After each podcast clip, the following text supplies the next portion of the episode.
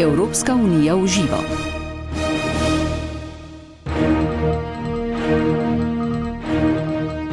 Spoštovane poslušalke, cenjeni poslušalci, lepo pozdravljeni. Odnosi med Evropsko unijo in ZDA precej nihajo. Trenutno je na razdalji med Brusljem in Washingtonom precej mirno. Gre za zatišje pred nevihto, več tem je, pri katerih strani stojita na nasprotnih bregovih. Ozadje nam bo poskušal osvetliti tokratni gost rubrike Evropska unija v živo. K poslušanju vas lepo vabim Helena Škarlec.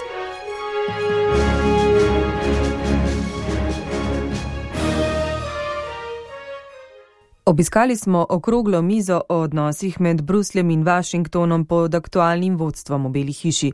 Pripravilo jo je slovensko panevropsko gibanje in je bila del projekta Združene moči državljanov, skupna evropska prihodnost, ki ga financira program Evropa za državljane. Gosta, direktorja programa evropskih študij na koledžu Dickinson v ZDA, smo povabili pred mikrofon Radia Ognišče.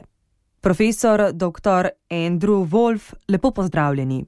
Evropska unija in ZDA sta v novi eri odnosov. Marsikdo ocenjuje, da se je začela s prihodom Donalda Trumpa v Bilo hišo. Je ozračje nezaupanja med staro in novo celino res vzniknilo zaradi njegovih izjav in potez? Bi se napetosti med Bruslem in Washingtonom, ki smo jim tu in tam priča, lahko izognili? Verjetno ne smemo zanemariti zapletenih razmer, ki vladajo v svetu. Bi torej občasno malo tršo retoriko med stranima lahko pripisali tudi ostalim dejavnikom?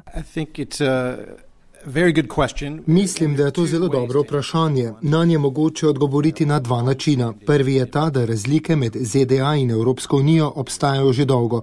To so razlike pri ekonomski in varnostni politiki, ter celo razlike med tistimi, ki jih vodijo. And, and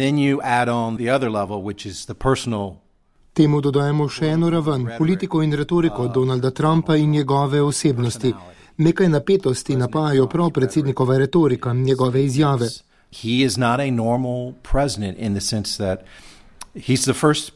On je običajen predsednik. Je naprimer prvi predsednik ZDA, ki ni nikoli delal v javnem uradu, preden je postal predsednik. Prav tako ni služil v vojski. Je torej nova vrsta fenomena. On ni diplomatski v tradicionalnem smislu. Proti našim tradicionalnim evropskim zaveznikom gre namenoma z vsemi vrstami pritožb in kritik. To torej na noben način ne pomaga v tem položaju. A pod vsem tem so resnični gospodarski in politični spori, bodi si pri zunani politiki v Siriji in Iranu, bodi si pri podnebni politiki. ZDA imajo pač drugačno stališče o podnebnih spremembah, kot ga ima Evropa in to ni Trumpova krivda. Mislim, da gre za globlje razlike med celinama. V zadnjem letu dni se je večkrat zgodilo, da sta si Evropska unija in ZDA skočili v lase zaradi trgovine. Zdi se, da na tem področju še nista povsem umirili žogice. Bosta strani našli način, da bosta lahko govorili druga z drugo in ne druga čez drugo. Politiki radi govorijo drug čez drugega, radi imajo rezultate.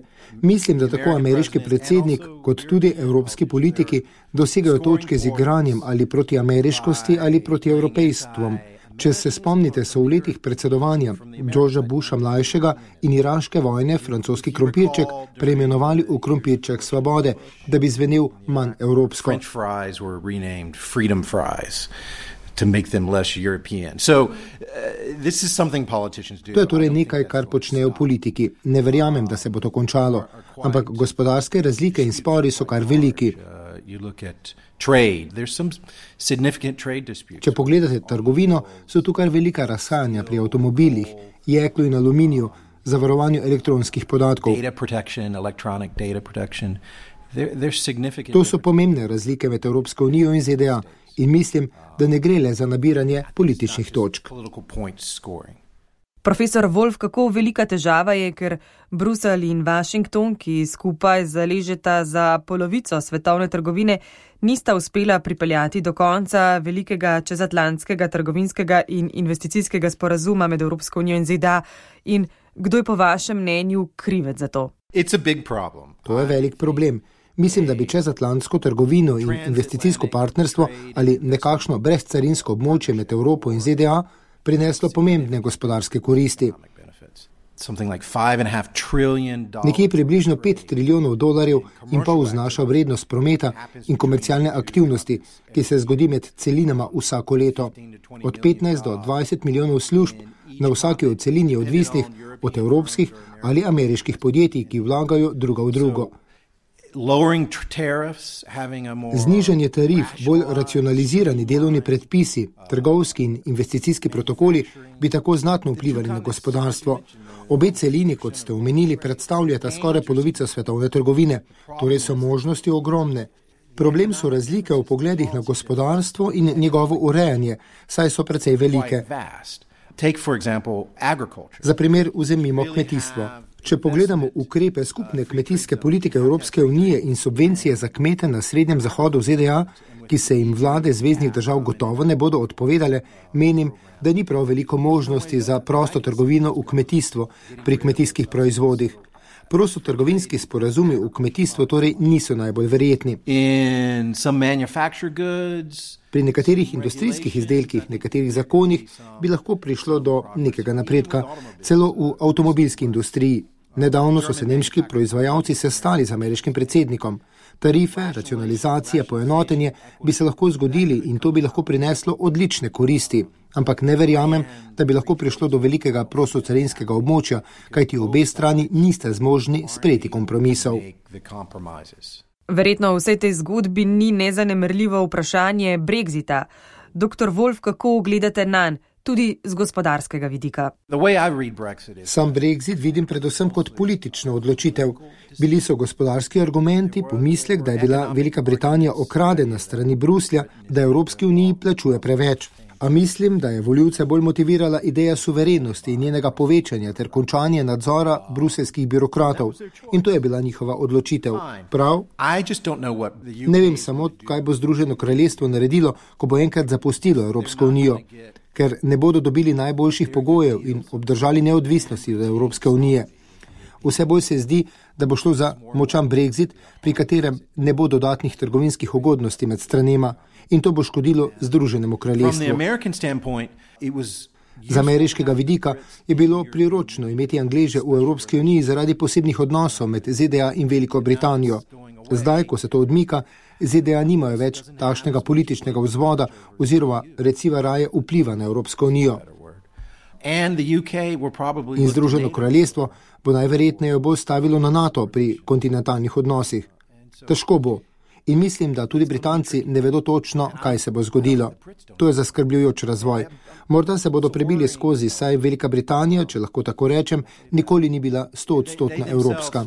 Oni sami se počutijo ločene. Morda potrebujejo čas, da gredo svojo pot in se zares odločijo, kakšna država želijo biti v odnosih z Evropo.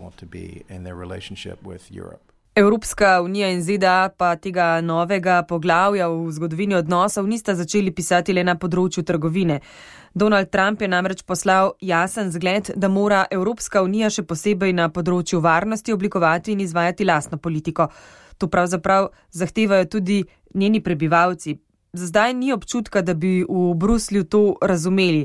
Kako resno to vprašanje najeda odnose med staro in novo celino?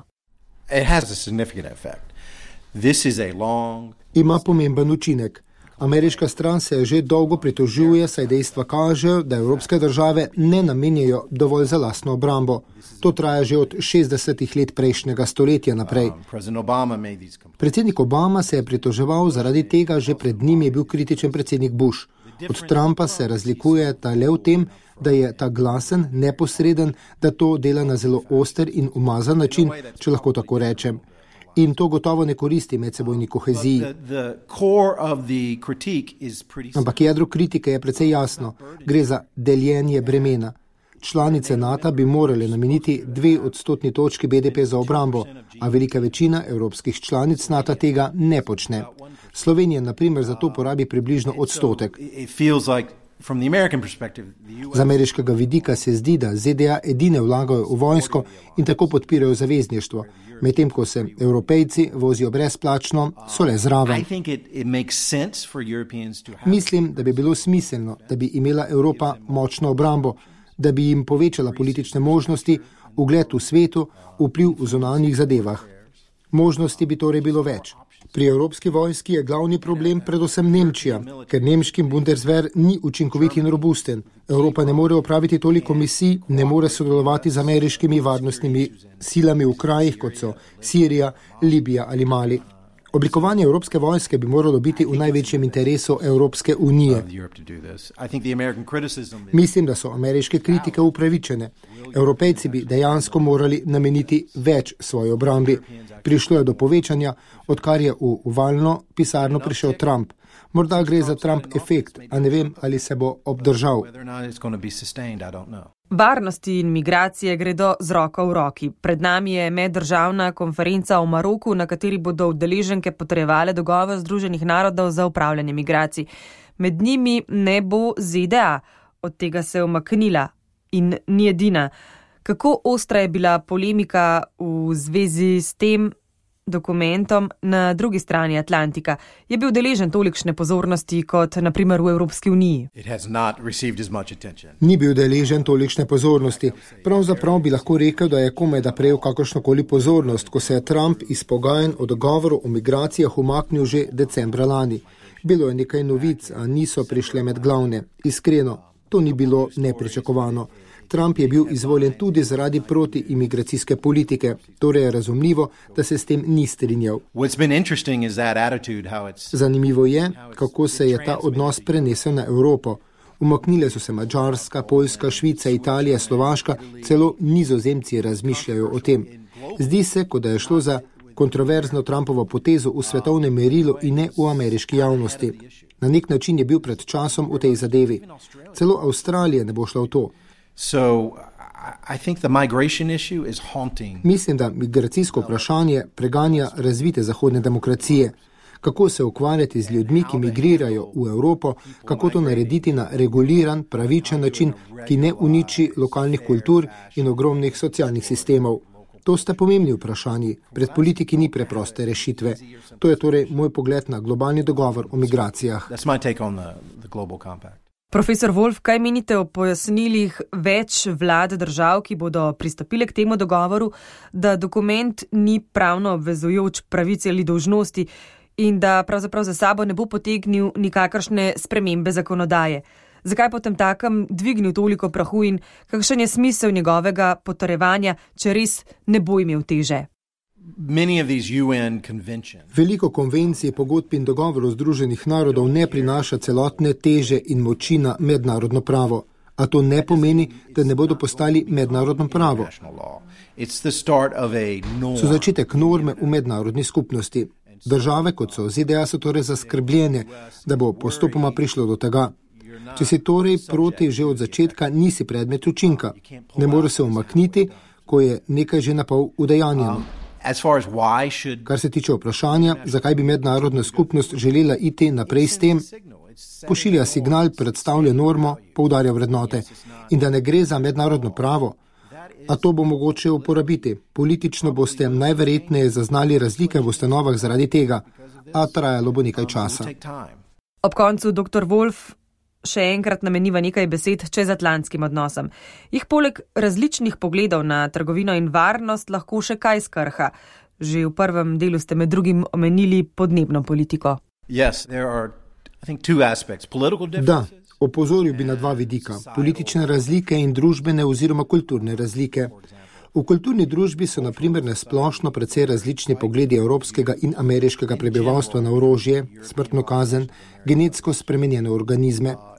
V ZDA številni nimajo težav s smrtno kaznijo ali gensko spremenjenimi organizmi, obožujejo orožje, medtem ko je v Evropi prav nasprotno. To torej ustvarja napetosti. Politične razlike pa so med drugim pri obravnavanju podnebnih sprememb, osebnih političnih diskurzih, pri odnosih z Azijo imajo ZDA različen pogled od Evrope, zato so tu tudi lahko napetosti. Vendar teh napetosti ne bi poudarjal. Če pogledamo širše, sta namreč ZDA in Evropa bliže, kar se tiče političnih sistemov, mentalitete, sistema vrednot. A s časom bi se tu lahko začeli razhajati, saj se demografske spremembe dogajajo tako v Evropi kot v ZDA. Še to Evropsko unijo v prihodnjem letu čakajo volitve v Evropski parlament. Washington bo tako v Bruslju dobil novega sogovornika. Kako bi lahko volitve v Evropski parlament vplivali na nadaljne odnose z ZDA? Tukaj bom kratek. Ne bo jih. Res ne vidim, da bi imel Evropski parlament veliko vpliv na evropsko zonanjo politiko ZDA. Problem Evropske unije je, da jo v Washingtonu ne jemljajo resno, z izjemo gospodarskega in trgovinskega sveta. Evropski parlament jemljajo še manj resno. In to ni le moje mnenje. Ne vidim, kako bi kakršnokoli politična sprememba v zavezništvih v Evropskem parlamentu lahko imela vpliv na evropsko-ameriške odnose. Vzemimo na primer, da desna koalicija in nacionalisti dobijo veliko večino. Ali bi to pomenilo, da bi imel Evropski parlament bolj prijateljske odnose z ZDA? Mislim, da ne. Če bi se to zgodilo, bi prišlo ali do pozivov k izstopu iz NATO, ali bi imeli manj varnostnih odnosov. Ne vidim, kako bi se iz tega razvilo karkoli pozitivnega. Prav tako ne mislim, da bi to imelo veliko vpliv. Ameriško-evropski odnosi so dejansko odnosi glavnih mest držav in Washingtona. In ZDA temu dajo prednost. Profesor dr. Andrew Wolf, hvala.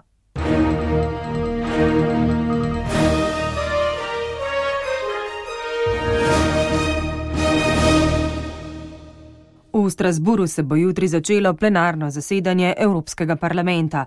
Ustvarjalci tamkajšnjega radija pa so pripravili in prebrali še nekaj svežih novic, ki jim bomo prisluhnili ob sklepu rubrike. Odbor za državljanske svoboščine je v ponedeljek odobril skupne varnostne značilnosti osebnih dokumentov v Evropski uniji, s katerimi naj bi omejili lažno izkazovanje identitete. Odobril je tudi zakonodajni predlog, ki bo še otežil dejavnosti teroristov in kriminalcev, saj bo organom kazenskega pregona, ki preizkujejo huda kazniva dejanja, olajšal pridobivanje finančnih podatkov. Prav tako v ponedeljek je odbor za državljanske svoboščine sklenil zaprositi Evropsko komisijo, naj do konca marca pripravi zakonodajni predlog o evropskem humanitarnem vizumu, ki bi ga izdajala veleposlaništva in konzulati Evropske unije v tujini. Imetniki vizuma bi smeli vstopiti v Evropo, vendar samo zato, da bi vložili prošnjo za mednarodno zaščito. Odbor meni, da bi s humanitarnimi vizumi omejili nesprejemljivo umiranje migrantov v sredozemlju in na poteh v Evropsko unijo. Pripomogli bi tudi k boju proti tihotapljanju ljudi ter k lažjemu obvladovanju prihoda in sprejema migrantov. Parlament bo o pobudi glasoval na decembrskem plenarnem zasedanju. Poslanci so 29. novembra podprli kandidaturo Andreja Enrija za predsednika nadzornega sveta Evropske centralne banke, ki spremlja zdravje največjih bank v Uniji.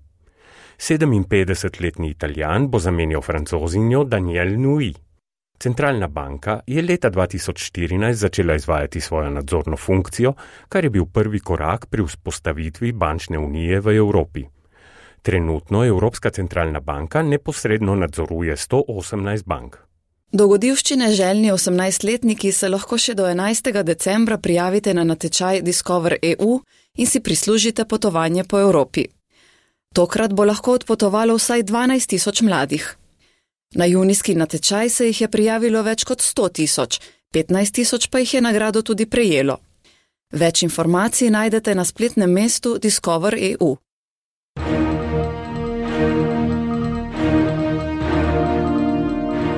Spoštovane poslušalke, cenjeni poslušalci, rubrika Evropska unija v živo je končana. Z vami sem bila Helena Škrlec, ki vas lepo pozdravljam do 23. decembra. Vse dobro!